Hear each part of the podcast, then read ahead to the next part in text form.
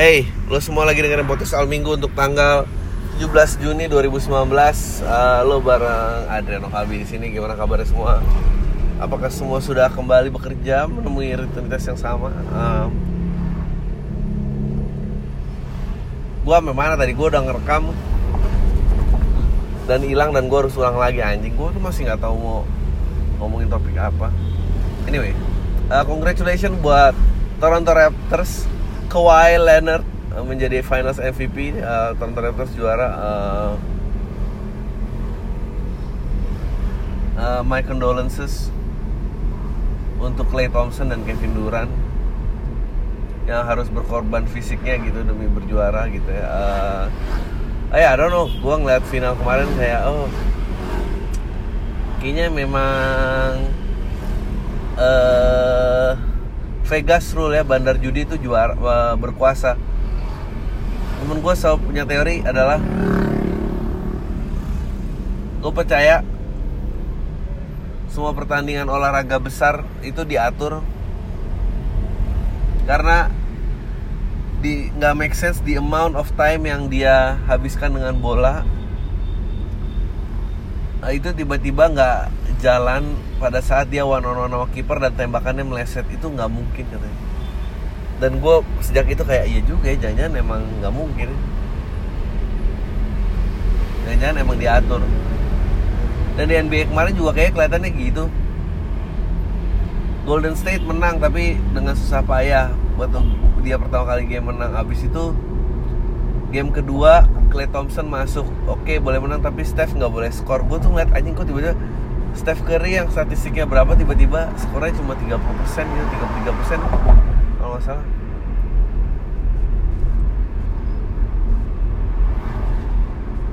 Um, iya terus gimana ya? Anyway Ahmad Dhani di penjara. Sedih gue ngeliat Ahmad Dhani di penjara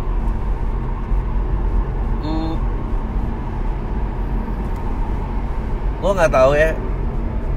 Kalian tuh masih ingat Ahmad Dhani tuh sejenis apa apa enggak gue tuh menyaksikan loh. Itu band yang gue tumbuh menyaksikan di mana bener-bener dari menguasai pensi-pensi gitu uh, album Pandawa 5 aja mereka masih bolak-balik Surabaya Jakarta. Uh, ya beliau paling jenius menurut gue pada saat uh, dia lagi aktif Ahmad Band Ahmad Dhani dulu yang nyanyi yang tua mabok yang muda korup eh yang muda mabok yang tua korup. Jayalah negeri ini Jayalah negeri ini merdeka! Anjing. Terus dia memproduksi Reza uh, one of the best female actress uh, female singer pada saat itu. Anyway uh, menyambut Ahmad Dhani yang masuk penjara ini gue tuh kemarin mendapat telepon dari Spotify dan Anchor. Kayaknya ada beberapa podcaster podcaster yang ditelepon Spotify dan Anchor dan ditanya tentang negaranya. Dan gue dia nanya ap, uh, apakah topik-topik yang bagus hari ini? Gue bilang banyak yang horor gini, gini dan gue udah bukan yang tertinggi lagi di sana lalalala and then dia sempat ngangkat apakah religi itu topik yang bagus. Terus gue jadi tersadar gitu bahwa oh iya yeah, religion pasti topik yang bagus ya gitu. Maksudnya gelombang uh,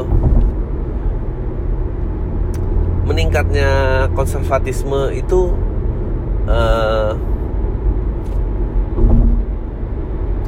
gue merasa itu nggak 100% by choice gitu nggak merasa 100% berdasarkan pilihan orang. Gue nggak merasa serat orang itu memiliki freedom of choice gitu tanpa pengaruh uh, landscape media dan ya landscape medianya. Jadi unik banget ya pak. Gue tuh jadi tersadar bahwa kan gerak uh, pergerakan ini kan ada di mana-mana ya maksudnya di Amerika Serikat juga dan di Amerika Serikat terjadi pada saat Trump uh, di kita sebetulnya uh, kalau lo mau track back balik gitu ya um, ini udah mulai dari gue nggak tahu lo sadar apa enggak sih. Gue sebetulnya penasaran banget apa yang akan terjadi di pilpres uh, ke depan. Pilpres ke depan gue anjing gue udah 40 lagi tai sedih banget ya. Anjing 40 men. 40 gue mesti nggak ngomong sama kalian. Anak-anak muda yang masih mencari fashion ini gue mesti hias akuarium dan pelihara burung aja. Uh, fuck lah. Gak dewasa dewasa gini ceritanya. Uh, gue tahu gue pasti ngomongin sosial media terus karena emang karena emang karena emang cuma itu terus yang masih hidup sih. Yang selalu relevan gitu sekarang um, ya jadi gue sadar gitu kalau track back sentimen gitu kerusuhan kemarin terutama ya kerusuhan di tengah-tengah itu. Semua kerusuhan you name it. Menurut gue big three-nya adalah uh, pada saat penembakan terorisme di perempatan uh, Sarina keluarga I think kejadian di Jawa Timur atau kalau salah keluarga yang menjadi bom bunuh diri. Gue lupa Jawa Timur pokoknya di Jawa lah sama satu lagi uh, kerusuhan 2019 22 Mei. Kalau nggak salah tanggalnya sama gimana do they even got the date the same? Fuck lah kalau emang salah ngeri banget sih.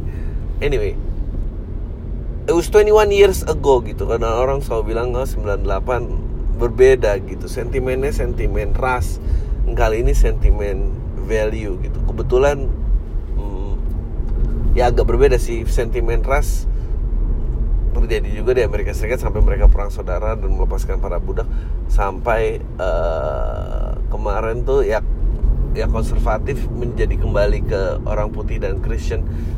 Um, ini kan ini kan ini kan uh, kalau lu sadar gitu ya ini tuh sesuatu yang di mana-mana dan ke, kejadiannya sebetulnya menurut gue ya puncaknya kemarin dan gue nggak tahu kapan akan berakhir gitu. Mungkin berakhir dengan keputusan MK yang kita akan dengar gitu karena ada tuntutan dari pihak sebelah. Uh, eh,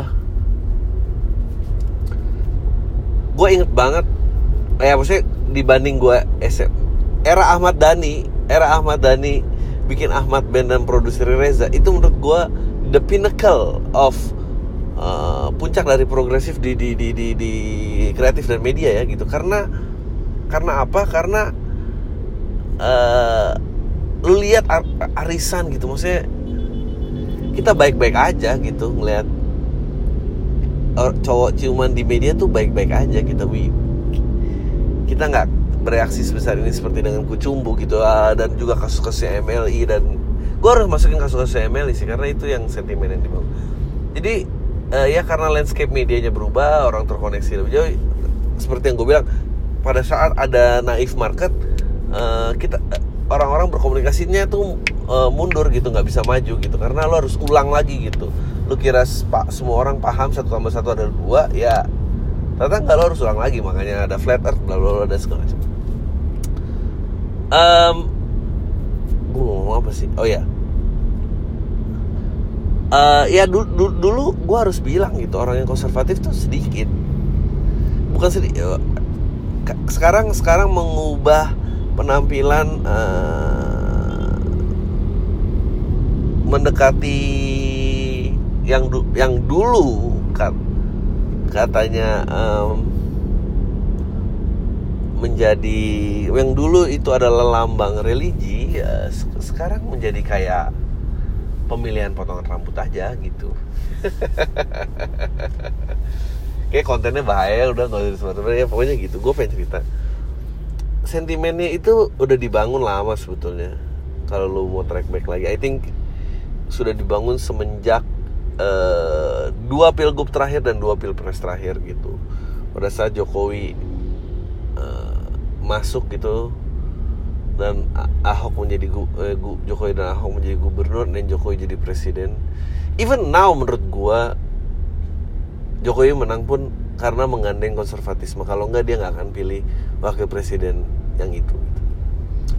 Um, dia tahu persis marketnya siapa. Uh, dan dari dulu bukan nggak pernah ada gitu. Misalnya kalau date back ke uh, anjing nih kalau ada Boni Triana sih seru banget ya. Ah gua iya itu dia. Itu tamu gua. Boni Triana bener historia bahwa zaman dulu pas Soekarno berkuasa gitu ya um, and then kita bilangnya KTT non blok uh, banyak banget pergerakan-pergerakan partai berdasarkan agama ada. Tapi at that time mungkin karena dia kiblatnya kiri kali ya.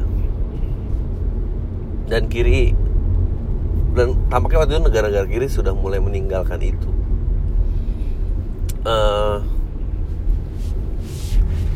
dan kita nggak mungkin nggak akrab kali dengan Inggris gitu monarki dan dan Amerika pada saat itu kan I don't know if American can be bilang mau Amerika tuh mau apa menurut gua Amerika tuh juga konservatif kan karena dia berbeda dengan Australia dan Eropa gitu. Dia dia sangat religius gitu.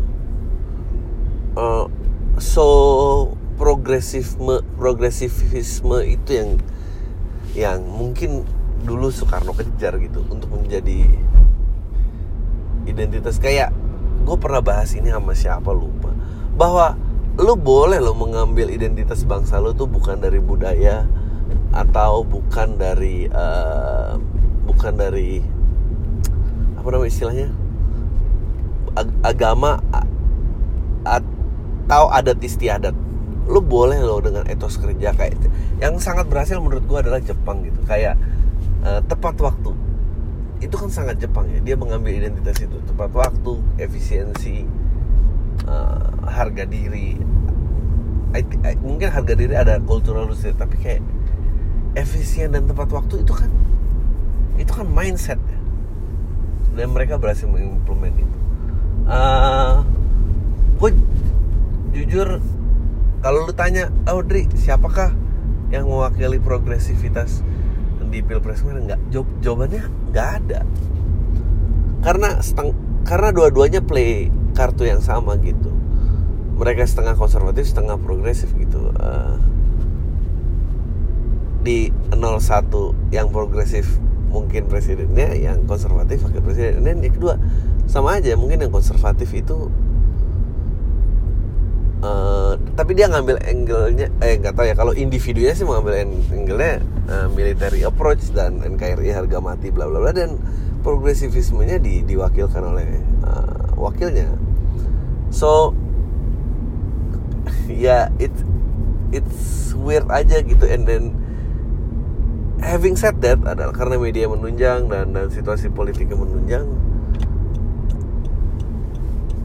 uh, menurut gua kalau lo istilah marketing ini marketing yang sudah dibangun sejak dua pilgub kemarin menurut gua. It's um, mereka tahu persis pada saat pendulumnya bergerak gitu pada saat waktu itu misalnya Jokowi dan Ahok uh, jadi gubernur pada saat progresivisme pendulumnya bergerak di sisi itu pasti dia tahu ada anti teorinya ada anti marketingnya dari situ. Makanya makanya di Amerika tuh kan dia empat tahun ya pemilunya. Nggak pemilu sih. Pemilihan lima tahun itu pemilu ya. Kalau empat tahun pemil pe, pe, apa? Lah anyway. Uh, dia begitu begitu Bush ke Obama and Obama dari Obama mau ditekan lagi ke Sanders. Eh siapa kan Sanders sebenarnya kalau nggak salah? Um, itu terlalu jauh pendulumnya harus ber, bergerak kembali gitu. Uh, dan ya dan gue nggak apakah pendulum kita tuh bergerak bolak-balik bolak-balik nggak ya? Kayaknya bolak-balik bolak-balik juga gitu. So having said that it, it, itu maksud gue kenapa sebetulnya tidak ada freedom of choice. Everything is by design. Uh, I, I think freedom of choice only works uh, in a kita kan lama-lama kayak menjadi dual party juga ya gitu kayak Amerika juga nih lama-lama. Works pada saat dualisme partainya itu uh, tidak berbeda jauh. So like ya udah lo di swing di situ gue swing di sini it's it's it's not really a big deal gitu. Um, ya itu terjadi di Australia dan itu terjadi di ini. Uh, kemarin ada yang bilang to prove you media landscape-nya berbeda adalah menurut gua waktu 98 sentimennya adalah ras dan finansial. Hari ini ya ada ras sedikit tapi mostly uh, konservatisme. Adri ini mengganti kata konservatisme untuk uh, apa sih ya yang lebih satu maksudnya. Tapi pada saat bola saljunya digulirin di 2009 kalau media landscape-nya nggak kayak sekarang gitu itu media landscape tahun 98 menurut gue kita kerusuhan loh kerusuhan men. Karena itu kenceng banget kok. Tapi yang nggak tahu gue emang stability itu penting sih. Like if you dan ada kaitannya dengan sports. Nanti ntar I've been to gue udah pernah ke US nggak semuanya sih. Gue ke US ke tempat yang paling progresif yaitu di SF uh, eh, gue menikmati gue sempat ke stadion bola gue sempat ke uh, pertandingan basket.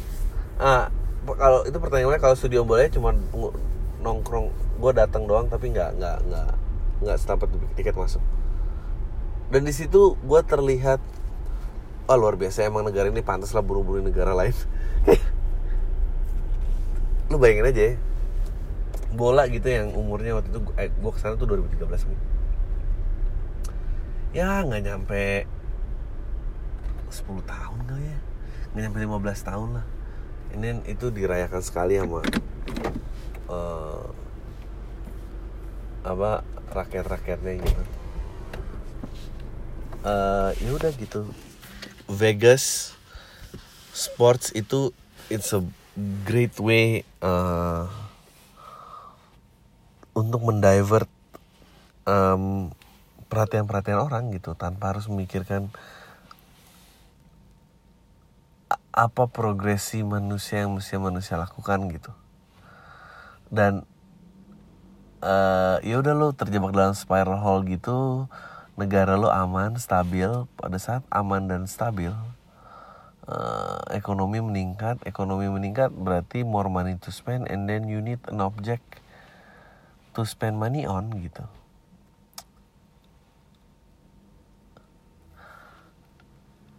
Dan dan mereka harus menjaga itu gitu dan itu nggak bisa dibiarkan gagal. Nah permasalahannya adalah Indon abis itu pertanyaannya adalah abis itu Indonesia tuh sebetulnya berjuang buat apa gitu? Kayak do do they do we have a great sports? No. Like kalau acuan Amerika ya entertainment lah gitu movie sports di mana itu nggak akan pernah bisa dan dan Inggris juga melakukan hal yang sama um, ekonomi kreatif gitu. Hmm, tapi kayak gue gue inget banget ada film Disney gue lupa banget tentang uh, anak kecil yang memiliki orang tuanya dulu bekerja di NASA. I think the days of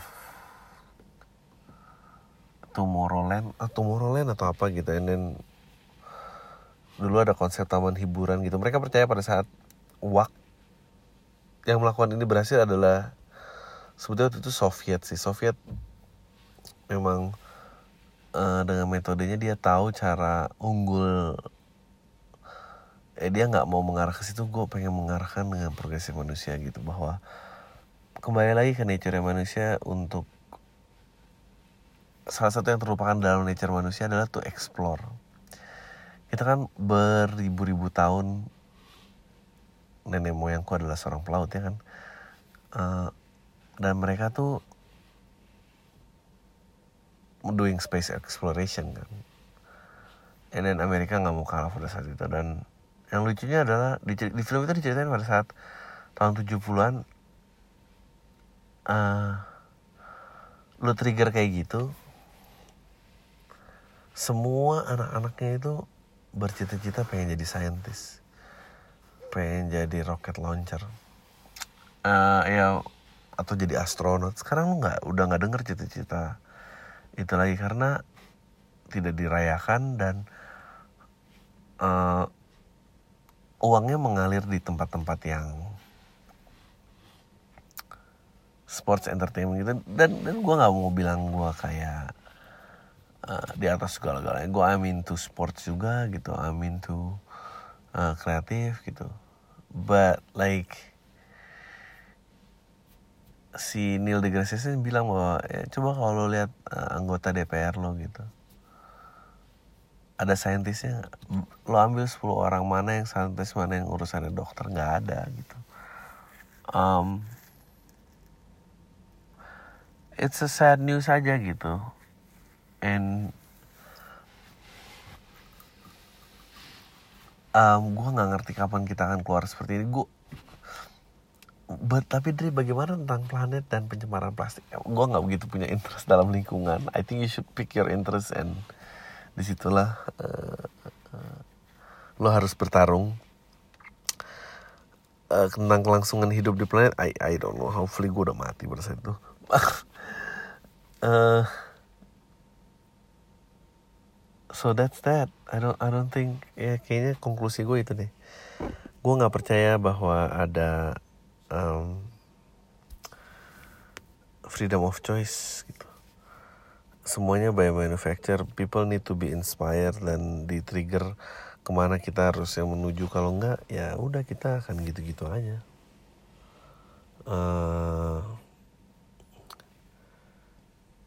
lu nggak akan bisa ke mana-mana gitu I'm not saying being an athlete but being athlete entertainment ya sekarang mungkin youtuber kali ya. Anjing sedih banget ya.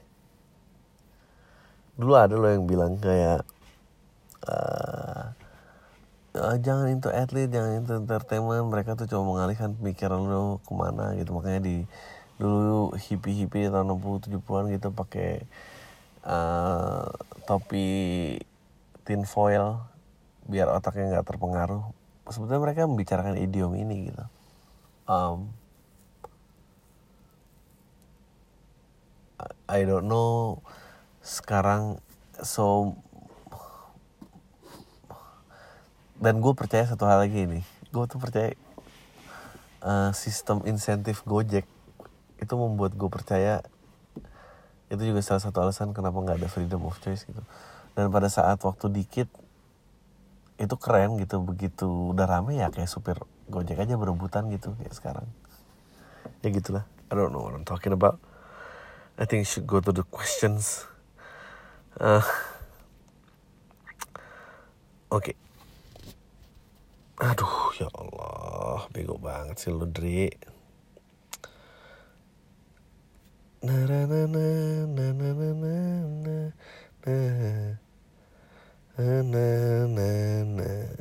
oh Oke jadi gini saya adalah seorang komik dari Magelang sudah lama komi, lama komunitas saya hiatus dari stand up comedy dikarenakan jarangnya ada penonton dan komik yang mau tampil pada Februari kemarin we decide to break. Saya cukup kesal dengan keputusan itu karena dikarenakan saya ingin berkembang menjadi lebih baik dan saya butuh wadah untuk menjelaskan semua tulisan dan anxiety saya dalam bentuk lisan. Menurut abang apakah saya cukup selfish untuk hal ini? Ah enggak biasa aja. Dan kenapa komunitas di daerah seperti Magelang tidak bisa se-hype komunitas yang ada di kota besar? Dan apakah ini salah satu apa salah ya? Saya ingin optimis buat komunitas ini menjadi seperti dulu lagi. Makasih bang. Um, ya nggak salah gitu. Gue nggak tahu ya tarungnya. Gue gue gue lahir di uh, kota besar gitu dan cukup beruntung dengan semua trafficnya gitu. Uh, uh, gini I think you should talk to musicians atau filmmakers. Dua itu deh karena misalnya dua itu udah lebih jauh daripada stand up dan kalau mereka struggle di sisi yang sama ya itu aja begitu apalagi stand up gitu. Itu satu. Kedua try to reach out karena gue percaya ada tempat sih tapi lo harus gandeng sih gandengnya kayak ke radio atau apa gitu-gitu sih. I don't know how to reach out audience di tempat lo sih. It, dan di atas semua bikinlah joke yang sangat ultimate sih. Karena gue percaya lo harus break a certain quality dan it becomes maksudnya viable cie kalau bahasa bahasa sekarang. Kalau enggak sih nggak bisa memang. Ya gitu deh semoga cukup jelas Bang, how do you know your wife is the one and vice versa? Does she know that you are the one? Ah, nggak nggak tahu sih. I I think she, I I I don't know pendapat dia tentang gue. I cannot say about her, but uh, menurut gue, gue nggak pernah berpikir kayak duan-duanan gitu sih ya. Um, ada tempat dan kondisi ada tempat, waktu dan kondisi sih menurut gue yang tepat pada saat itu agar keputusan dijatuhkan. Pada saat keadaannya berbeda pun mungkin berbeda sih. Ya gitulah.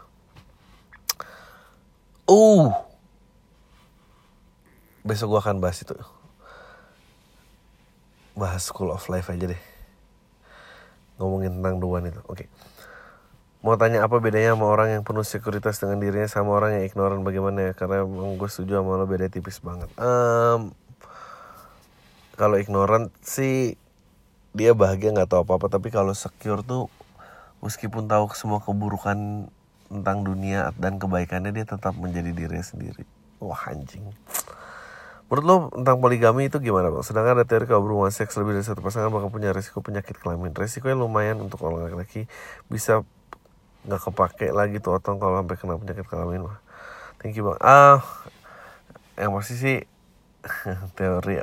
Sedangkan ada teori. Emang bukan teori itu emang bener. Penyakit kelamin itu kan menular ya dan tidak bisa menimbulkan tiba-tiba ada gitu selama terbuka untuk me meriksa secara rutin penyakitnya apa. Ya kalau misalnya lo poligami gitu terus semuanya tidak membawa penyakit ya tidak mungkin ada penyakit. Paling ada infeksi bisa ntar timbulkan lagi apa segala macam ya mungkin. Tapi kalau tiba-tiba ada yang HIV gitu ya nggak nggak kayak gitu. Pasti karena dia pernah membawa itu dari mana gitu sih kedua tentang poligami gue orang yang menganggap ya selama lo waras dan dewasa I think you can decide whatever lifestyle that suits you sih berarti dan itu termasuk poliandri, poliamari, uh, LGBT apa pokoknya batasan gue tuh kedewasaan dan kewarasan. I think we should have a test on this. Sisanya bebas bung. Tidak ada paksaan. Bang, gue pendengar setia dari Pekanbaru. Gue mau tanya dulu, kita pernah ngerasain tarif SMS ratus rupiah apa 0,01 gitu. Kira-kira kalau gitu kira-kira tarif internet bisa nggak menurut lo bisa tapi susahnya agak sulit karena semua itu uh, kalau nggak salah ya networknya dipegang tel telkom kalau nggak salah uh, so ini dia nyewa gitu ke situ dan nggak mungkin dibiarin price war Eh, price war juga udah terjadi kok. Tapi meskipun nggak menggunakan strategi yang sama, tapi kalau lu tanya price itu namanya price war. Um, ada kok price warnya. Tapi nggak kayak gitu lagi. Oke. Okay. Ini email pertama gue dan kayaknya terakhir soal cerita nanya pendapat lagi nih sama minggu. Gua terhitung gue di podcast 2019 jadi nggak sengaja lihat ada di podcastnya Radit bang. Jadi langsung aja. Gue pria umur 26 tahun gue udah kerja di tahun 2015 sampai sekarang berapa kali pindah pindah kerjaan punya pendapat yang nggak banyak banyak banget tapi ya dikit dikit nggak dikit dikit apa sih? Buat orang yang kerja di ibu kota besar bisa dibilang cukup sekali. Masalahnya gue adalah suka jajan prostitut. Waduh keracunan akan hal ini gue alami di tahun 2016 bang. Sampai sekarang sempat berhenti di tahun 2017 Karena gue cuti setahun dan lanjut lagi 2018 sampai sekarang. Wow. Gue itu udah hampir coba semua wanita Di proses bang. Dari krempeng sampai gendut banget Pendek sampai tinggi dari dada rata sampai buset deh. Yang gue kira segede melon Gue kira cuma ada di film aja Gue seru nih. Parahnya gue tuh sempet iseng lihat Lady Boy gitu gue penasaran. Soalnya menarik juga mukanya cakep tapi apa benar itu cowok? Akhirnya gue pun jajan sekali. Proses lady boy. Sekali ngetes apakah gue gay ataukah cuma kepo aja.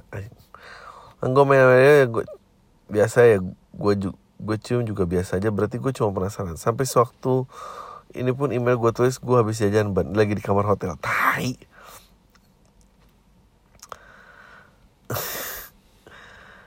uh, By the way gue jajan persis bukan kolokalisasi gitu bang. Gue kayak sewa kamar sendiri terus gue panggil si wanita itu bang. Sekarang gini. Gue sebenarnya pengen berhenti karena bang karena gue tahu boros banget kayak gini. Tapi gue udah sampai nggak sadar kalau tahu-tahu udah kasih DP aja ke prostitut Kau minta pendapat lu. Yang, yang ampun ampun selain ampuh kali diri gue sini bisa bantu gimana keluar dari wisata lendir ini bang. Maaf. Sehat-sehat apa ya. Uh, gue nggak gue nggak tahu men caranya. Jujur aja. Karena gini gue kemarin baru bahas ini. Ternyata uh, menghandle uang itu juga masalah mental. I, uh, gue punya temen yang bermasalah karena dia tidak pernah kayak gaji bulanannya itu nggak pernah bertahap tiba-tiba jebret kerja langsung gede dan langsung gue tingkahnya nih gue gue nggak pernah ngalamin itu. Uh, dan gue nggak tahu kenapa lo seperti itu uh, gimana ya?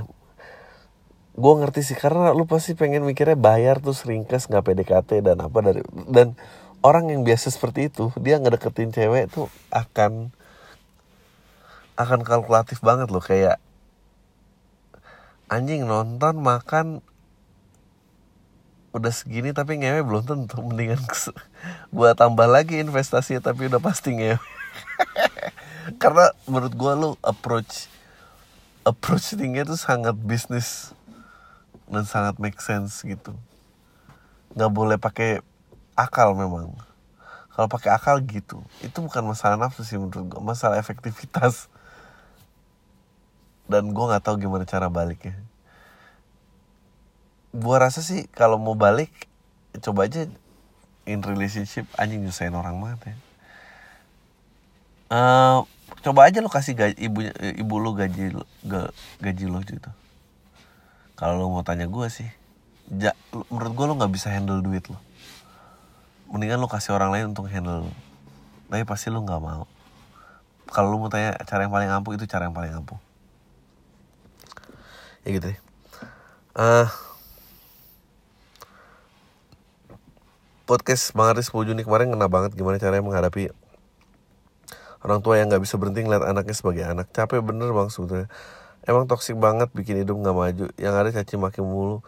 Rasanya pengen aja sih kabur ninggalin semua ya bang uh, Adri bilang cuma nggak segampang itu. Aku perempuan harus ke mana kalau nggak berbakti sama orang konteks orang tua gini bang. Mereka punya pemikiran konservatif mereka benar-benar mau ngelepas atau putus hubungan sama aku kalau menikah. Aku juga pengennya gitu sih bang. Someone and be free them for good. Be free and of them for good. Meet someone and be free of them for good Nah, mereka sendiri mengamati aku berinteraksi sama orang-orang baru. Mereka udah tua, belum butuh di nurture, minta ini, minta itu. Kalau bukan aku kasih siapa? Nggak tahu uh, banget gimana ya harus ngelakuin because I have not because I have to not because I want to or if it's my choice ya itu memang harus dijelaskan berulang-ulang sih menurut gue mm, dan harus tahan mental harus bisa memperkuat mental lo sih jadi pada saat mereka bereaksi lo nggak bereaksi. Dan lo harus bisa kayak um, menjelaskan bahwa hidup ini bukan punyanya dia. Oh! Gue lupa. I think ada di hadis atau kiai terkenal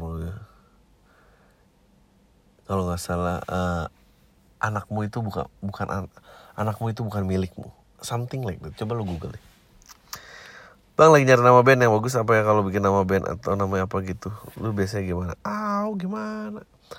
Gue dulu sih zaman zaman indie gitu. Namanya nama-nama benda. Kayak coklat padi. Itu kan anak-anak indie banget tuh. Satu kata satu kata gitu. Padi. Artinya apa tuh ya? Padi kan uh, tumbuh perlahan dan beri makan semua orang ya c gitu. Uh, uh, uh, sekarang apa uh, pakai singkatan aja dekat tuh dekat dulu kami tangga uh, atau Scalar atau apa. I like one word name. Gitu loh. Jadi gue pacaran sama perempuan yang orang tuanya udah cerai gara-gara KDRT. Gue mendengar ayahnya tuh buruk sekali. Seperti suka ngutang dan main tangan ketika udah cerai semua berubah sangat total. Ayahnya yang menjadi baik sama orang-orang dan ibunya malah jadi serakah uang dan jadi tukang nikah. Bahkan sampai-sampai anaknya diminta. Dan kalau nggak dikasih marah-marah. Ketika hal buruk terjadi sama anak-anaknya bilang karena ayahnya. Tapi kalau baik-baik anak mamanya tapi dia sendiri melantarkan anaknya dan dengan nikah dan terpisah dari anak yang paling kecil yang masih SD maksud gue what the fuck? Kok dia nggak melihat dirinya sih seperti apa? Awalnya gue mikir takut karena bokapnya jadi gue yang takut sama nyokap yang minta duitan sama gue karena tiap karena dulu tiap bulan dia kayak minta jatah sama gue yang notabene pacar anaknya. Kalau gue kasih nyokap gue sih wajar. Ini ini kalau gue nggak pacaran sama anaknya dia cuma tanda janda yang minta du duitan. Gue pikir apakah kalau gue nikah nanti takut keluarga gue tidak bisa menerima pacar gue yang sekarang broken home. Gue belum cerita soal dia ke keluarga. Menurut lo gue sekarang gue bilang sekarang ini atau nanti saat gue bilang mau nikah sama dia? Menurut gue ya lo harus sepakat dulu lo sayang apa sama pasangan lo. Kedua uh, pasangan lo harus sadar masalah yang sama. Kedua kalau orang tua lo nggak ini ya lo harus bisa jelasin ke orang tua lo ya lo ngawin anaknya kok masa gue harus ngubah orang tuanya? Nggak bisa kayak gitu. Kalau saat dua poin yang pertama tadi terjawab dan lo bisa berpegang teguh gitu ya gue rasa sih masih baik-baik aja ya. Bang gue mau nanya dong, gue punya pacar yang sekarang udah kuliah di Malang. Gue sama dia udah jalan lebih dari 2 tahun. Awalnya gue merasa senang sama dia Tapi gak tahu akhirnya gue merasa udah gak cocok karena satu hal dan lain. Akhirnya gue coba cari cewek lain dan dapat Dia salah satu universitas di Bandung Gue merasa cocok banget sama personality But I have one problem yang ter Gue tahu dia udah gak perawan Hah? Menurut lu gue lebih milih sama cewek gue yang walaupun gue kurang suka sama personality Atau karena gue Karena dia tuh cuek Karena dia masih I, I don't understand. It's not It's itu bukan badan lo men. Itu bukan badan lo men. Lo nggak berhak men. Lo mau sama orang ya lo harus terima semua sejarahnya. Nggak bisa nggak lo terima. Kalau lo nggak mau sama sejarah orang ya lo pelihara aja orang dari kecil. Uh, apakah perawan itu penting untuk jenjang lebih serius dari sekedar pacaran menurut gue lo mendingan banyak main dulu aja deh sebelum lo pacaran Ingat gak Bang Beat lo yang menjadi legenda waktu itu? Uh, Ingat gak Beat cara Ingat gak Beat lu bilang yang cara jadi legenda? Waktu lu bilang mau jadi legenda ikut kompetisi pas final Lu maju bilang saya mau kalah aja gara-gara Beat itu gue jadi ngelakuin ini di dunia nyata Goblok. Gue freelance selama 4 bulan di sebuah perusahaan yang matok target per bulannya. Tiap bulan gue selalu lampuin target dan di bulan keempat gue sampai 100 dari yang targetnya cuma 20 alhasil gue yang terbaik dari orang-orang freelance. Tapi habis itu gue resign di kantor walaupun di jalan kayak karyawan kontrak. Udah sebulan sejak itu mantan bos gue chat gue gue ada freelancer terbaik sepanjang sejarah. Perusahaan thanks bang. Berkat lu gue jadi legenda di perusahaan itu. By the way gue gak nganggur dan udah jadi karyawan kontrak perusahaan. Congratulations. Bagus lah kalau nasihat gue ada gunanya nggak membunuh karir orang. Bang, apa bedanya komedi dengan menyenangkan orang lain? Uh, bedanya adalah komedi itu what you think it's funny. Menyenangkan orang lain itu what they want. Tapi ya, ya what you think it's funny terus harus menyenangkan. Harus bisa membuat orang lain setuju itu bedanya. Bang kenapa sih orang-orang bisa terjebak dalam pengakuan orang lain uh, beli barang itu kebanyakan buat impress orang lain padahal kan seharusnya dan dari fungsional. Kenapa budaya kayak gitu masih banyak banget ya bang? Ya karena lu nggak dididik dengan baik dari kecil. Lu nggak pernah berjalan dengan um, motivasi lo sendiri. Lu tidak pernah mengenal diri lo sendiri ya kayak gitulah. Halo bang, gue maratnya podcast lu dari 2015 dan sekarang udah tahun Juni 2018 Salah satu episode favorit gue adalah 9 April 2018 Di bagian pelayan ibu mau bersihin muka dan parodi rumah tangga yang retak. Ayo gue lupa kali. Oke gue ada pertanyaan dikit. Apakah di umur 20-an awal abang udah menjadi target itu? Soalnya saya di umur 23 belum tahu tujuan itu nggak tahu gue gue 28 mungkin baru tahu. Saya mau fokus cari duit aja dan kalau udah ketemu target lebih gampang nggak apakah gue aneh? Enggak. I think you just young. Think you should explore things and get to know yourself gue mungkin baru mengenal diri gue dan gue tahu siapa gue mungkin di 24 which is telat banget sebetulnya dan meski itu udah dari tahun umur 17 tahun kali. Dear Bang Adri. Standar sapaan dua juga dari kantor? Kenapa sebenarnya Oke saya mendengar baru podcast ini. Saya juga dengerin beberapa podcast awal Is it too late? Soalnya saya merasa ada podcast lain Kelihatannya Bang Adri udah mulai jenuh dan capek. Please don't stop. Saya suka dengerin podcast ini. Sejak saya stres bekerja Saya terhibur dengan banyak pertanyaan dan insight baru dan aneh.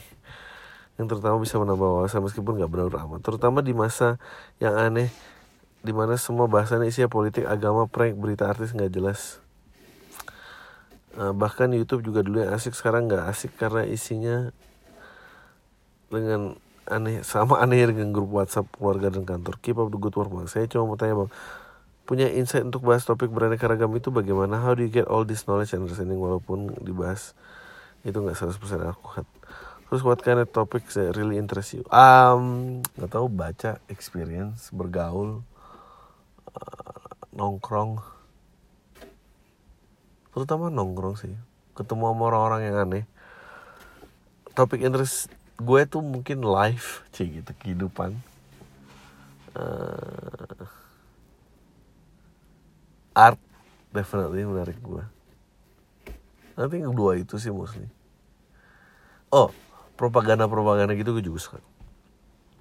Ada nggak sih pendengar pam ini yang kirim pertanyaan lewat voice messenger dari Angkor?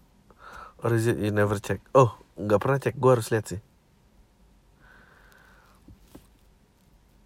Uh, Salam kenal, gue pendengar baru udah cukup banyak gue dengan potensi sekarang lagi otw ke kampus. Ikut organisasi kampus karena suka aja sama organisasi yang gue ikutin Bareng sama teman-teman seangkatan buat jaya organisasi. Gue seneng jalannya dan gak bermasalah kalau ada teman gue yang mengabaikan tugasnya di organisasi ini. Karena gue sadar kadang gue juga gitu. Hari ini gue bingung tapi lucu lihat temen gue semangat ikut panitian untuk acara LDK mahasiswa baru 2019-2020 Kenapa gue bisa ngomong ini? Karena sebenarnya organisasi itu disuruh kirim lima orang yang menjadi panitia LDK itu. Dia menaruhkan diri dan ambisi untuk cepat dapat posisi di atas di kepanitiaan itu. Bingung karena kenapa dia bisa semangat dan ambisi untuk dapat posisi atas sedangkan gue ke bawah hati. Karena lucu bahwa sebenarnya dia untuk menyelesaikan tugasnya di organisasinya parah banget tapi udah mau keluar sana. Dia suka sombong ke orang baru kalau dia banyak teman dan ikut organisasi kepanitiaan dan lainnya. Kenapa gue bisa tahu? Karena kalau kita nongkrong satu tempat dan ke karena kebutuhan satu organisasi sebenarnya udah sering kita jadiin bahan ketahuan dengan sifat dia tapi aneh gue kesel aja sama orang yang kadang-kadang apa yang mau dilakuin gak sesuai gitu sama apa yang dia mau lakuin selanjutnya dan kasar atau kasarnya sama orang yang nggak tahu diri. Keresahan gue intinya adalah kenapa temen gue ini nggak tahu diri kayak gitu. Tidak seimbang antara tugas dan fakta yang dilakukan. Itu anjing lemang ibunya ya biarin aja lah temen lo kayak gitu. Kedua apakah kenapa gue harus cerita ini di sini? Kenapa gue harus ini apakah ini bentuk kesukaan gue sama podcast atau gue begitu resahnya sama dia? Nggak menurut gue menurut gue lu a skeptic. That's what you're I think dan gue juga skeptic. Gue kalau ngeliat orang yang terlalu happy tuh gue kayak siapa sih lu? Gitu. Atau keluarga anak-anak yang didukung sama orang tuanya gue nggak tahu kenapa. Sebel banget gue nah mungkin gue nggak punya kali. Gue nggak punya. I don't have that untuk menjadi bersemangat akan sesuatu. Gue sih ngerasa suka kayak gitu. Gitu Gue kuliah di Jogja dan bentar lagi lulus. Abis lulus pengen kerja di kota besar. Istilahnya saya anak tunggal ibu yang dan ibu udah divorce. Ibu tinggal sama nenek di kota kecil di Jateng. Saya bingung tinggal dan kerja di kota besar atau gaji dan kerja di tinggal kota kecil. Profit tinggal di kota besar ya gaji gede, kerjanya juga banyak jenisnya kebutuhan hidup dan hiburan serba ada. Tapi saya nggak bisa ngerawat ibu. Sedangkan kalau tinggal di kota kecil gajinya nggak sebesar di kota. Jenis pekerjaan sesuai dengan sama jurusan saya ini hiburan dan kehidupan seadanya. Sedangkan saya di sana bisa tinggal sama ibu dan merawat ibu. Menurut lu gimana menurut gua lo harus ngomong sama ibu lo menurut gua harus ngomong sama ibu lo gua nggak tahu bebannya kayak apa uh, aku orang daerah yang bentar lagi kuliah semester 6 di Jogja bentar lagi lulus dan pasti cari kerja. Aku pengen kerja di kota besar kayak di Jogja Semarang atau Surabaya. Tapi orang tua nuntut aku kerja di kota asal aja di mana kota itu kota kecil di Jateng. Bisa sih kerja di kota tapi orang tua aku saranin aku jadi kepala desa di desa asuh buset deh. Kades yang sekarang ini saudaraku dan udah habis masa jabatannya nggak bisa maju lagi. Aku disuruh nyalon karena dari zaman orba dulu kades desa memang selalu dari keluargaku. Edan kalau dulu kaya banget dong ya berarti. Dua tahun lagi pemilu kades dan kayaknya aku bakal dicalon di satu sisi aku didukung sama keluarga besar. Sama Karang Taruna juga siap dukung. Tapi di sisi lain aku punya ego pengen ngerasain kerja dan mandiri kode besar. Aku pun masih belum siap secara ilmu karena aku juga psikologi. Aku merasa belum pantas karena masih usia 20 tahun. Apa dasarnya Bang Ari? Gue dulu pernah kerja dan bokap gue marah. Karena gue nggak mau nerusin usaha keluarga gitu-gitu. Um, yang gue lakukan adalah gue ngambil jalan mandiri. Uh, tapi gue nggak tahu ya kalau politik gimana gue nggak ngerti kades kadesan itu. Uh, ya gue berusaha mandiri aja dan gue berusaha apa pun yang gue nggak butuhkan lagi dari mereka gue gak akan minta. Itu resikonya sih dan tapi ya itu sepi banget jalanan. Sepi banget kan sepi banget semoga lo gak harus sepi gue menurut gue lo harus bicara sama keluarga lo aja sih. Lawan aja di situ. Tapi kalau udah nggak ini ya lo harus cari. Oh dan ke kedua dapetin kerjaannya dulu. Percuma lo ngelawan ngelawan lo ngelawan lo ngelawan pilihan pakai konsep pilihan. Ngerti gak lo kayak dia tuh udah ada lo baru konsep doang. Nggak akan menang lo kalau mau harus pilihan nyata mau pilihan nyata Gue pernah paham di tahun 2019 ini terutama karena gue nyari hiburan. Uh, gue hampir tengah minggu tiap 10 Juni pas ngomongin terapi dan temen dan usaha gue langsung bisa relate. Gue mau cerita dikit gue umur 21 alhamdulillah sampai sekarang akademik dan perkuliahan sampai gue bisa magang luar negeri lancar. Orang tua gue bangga dengan perjalanan gue. Gue anak terakhir dan gue ngerasa banget kalau orang tua gue sangat berharap besar ke gue dalam artisan artian gue bisa lebih gede dari abang gue tapi hidup sendiri di sini benar-benar membuat gue refleksi diri dan mengenal diri gue nice. Bagus. Gue orang yang cukup sering mikirin hal-hal yang dalam dan dalam dan hidup. Tapi gue orangnya kurang bisa berekspresi alias alias datar dan gue nggak bisa ngomong dengan deskriptif dan emosional. Belakangan ini gue mencoba ngutarin ekspresi gue lewat trap and I feel really good. Wow. Gue berhasil nemuin hobi gue yang selama ini kalau orang nanya hobi gue apa gue kurang yakin jawabnya. You don't have to answer mungkin bang Arina bisa lihat karena rap dan stand up mungkin bisa. Di satu sisi kalau bokap gue nelfon pasti dia nanya ke gue tentang kerjaan di sini rencana gue ambil S2 dan hal standar lainnya. Sampai saat ini bokap gue belum pernah nanya apa yang gue suka dan bagaimana perasaan gue atau hal lain tentang psikologi. Jadi bisa dibilang hubungan gue sama orang tua rada kaku gitu bang. Nah pertanyaannya kira-kira gimana intro yang enak untuk ngomong ke orang tua yang agak kaku dan jarang diskusi? Gue mau pursue musik gue supaya mereka bisa ngerti or at least make them curious of what I want and what I feel.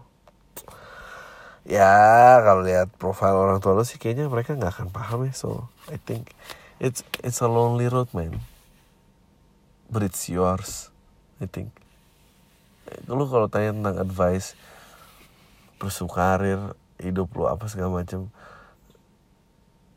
gue sering banget pendapat gue nggak disetujui banyak orang. Tapi paling dan dan jalanan itu sepi banget tapi paling nggak itu jalan lo sih. Gue cuma bisa bilang itu doang sih. It's a lonely road but it's yours. Yeah.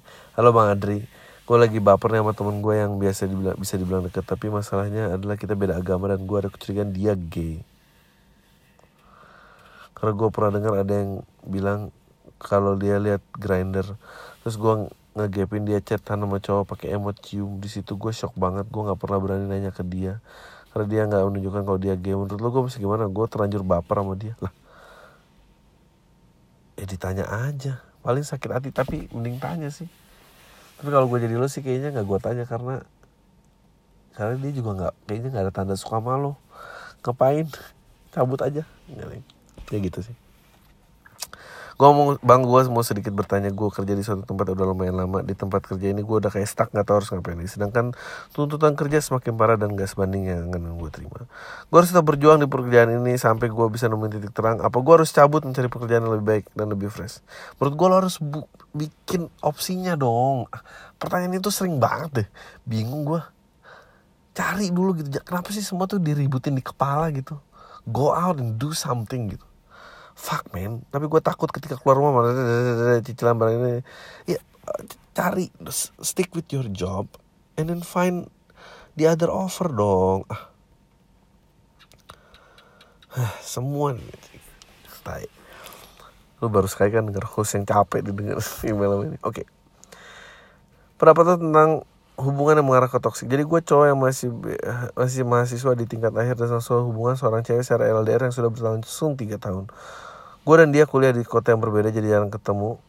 Cuma kalau pulang ke Jakarta dan gue nyamperin dia sesempet gue jadi cewek gue ini entah kenapa sangat posesif udah benar-benar entah eh, mempermasalahkan atau mulai dari teman gue tempat nongkrong gue sampai hal macam yang gue mau makan pakai baju apa sih gue sebenarnya udah mau udahan dari kapan tapi gue kadang masih sayang dan gak tega terutama cewek gue royal banget ke gue dan gue suka menunjukkan dan dia suka menunjukkan suicidal anjing.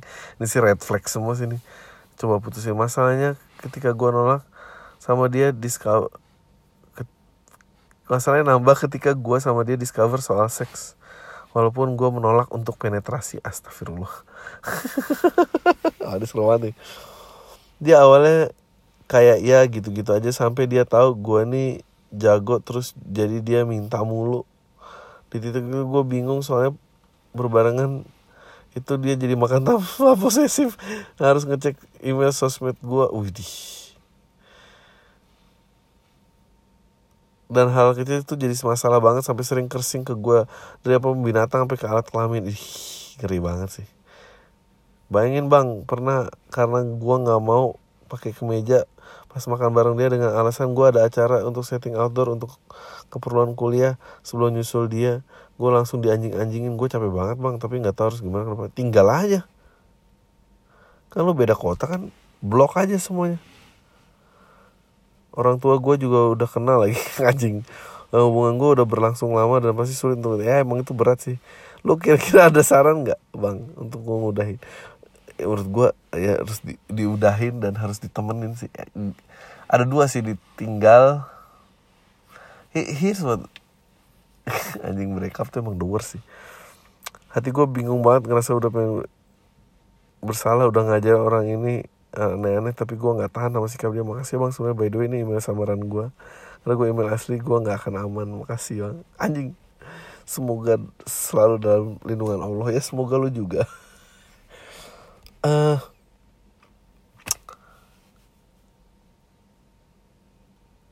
ya lo harus bisa batasin sih lo harus bisa kuat. Atau kalau kan beda kota ya kalau beda kota ya udah nggak usah ditemuin aja gampang lo putusin aja pas lagi jauh. Paling orang tua abis itu lo kabar orang tua lo terus lo kabar orang tuanya dia itu paling bisa sih. Kayak gitu aja. Kok lu juga pernah sih kayak gitu? Stres gue gue juga sampai ngecek ngecekin ya ampun nggak mau makan lah minum obat. Aduh ya Allah ya Tuhan. Tapi enggak saya itu baik baik aja sih tapi itu bakal lewat sih. Nggak semua orang yang berani suicidal tuh suicidal. Tapi jangan diambil resikonya gue juga gak ngerti deh Gak usah nanya nama gue Cara PDKT yang baik gimana? Cara PDKT yang baik adalah Eh gue tuh Boleh gak sih jalan sama lo? Gue pengen kenal lo, lo lebih dalam. Karena gue ada ketertarikan sama lo. Habis itu jalan aja gimana? Kalau dia nggak ini ya udah. Kalau dia nggak mau ya udah move on Halo bang ini yang pertama gue eh, mungkin gue pendengar termuda lo SMA kelas 1 dan nggak tahu harus bangga atau gimana tapi gue tahu udah pasti bakal dikatain. Ngapain lo denger di sini? Di podcast lama Radit udah pernah gimana kalau anak SMA bikin podcast masalahnya tentang apa pun kebetulan gue punya podcast namanya pelajar belajar. Nah di situ gue mau bahas keresahan gue tentang sekolah mos dan lain-lain. Sebenarnya gue bingung mau lanjutin apa enggak karena podcast gue orang bilang hati-hati karena soalnya kata-kata gue bisa bikin kakak kelas kesel. Gue nggak tahu harus lanjutin apa enggak atau gue lanjutin tapi harus nahan nahan-nahan karena takut sama kakak kelas gue atau stop. Tapi keresahan nggak sampai. Gue juga takut sama ketahuan sama guru yang gue omongin di guru di situ goblok. Uh, enggak sih menurut gue walaupun nggak iya lu pakai anonim aja semua nggak bakal ketahuan menurut gue anonymity ya eh, rahasia pakai rahasia aja maksudnya namanya apa tempat gitu gitu walaupun nggak ada guru gue sebut karena beria beria apa sih? Ada siswa SMA yang tidak diluluskan karena kritik terhadap sekolah. Wow. Oh, anjing banget ya. SMA mana sih? Menurut lu gue harus gimana bang? Lanjut atau pendem? Lanjut menurut gue itu lagi menariknya. Tapi gimana ya caranya ya? Radit dulu ngelakuinnya setelah lulus apa sesudah lulus ya? Blok-bloknya gitu kayaknya enggak deh. Lagi ini gue penasaran banget sama stand up lu. Karena penasaran tapi rata-rata tour MLI 18 terus jadi gue belum bisa mungkin tiga tahun nanti. Nanti lu udah nggak stand up lagi. Nggak kok masih stand up udah itu aja tanya lu semua. Capek gue deh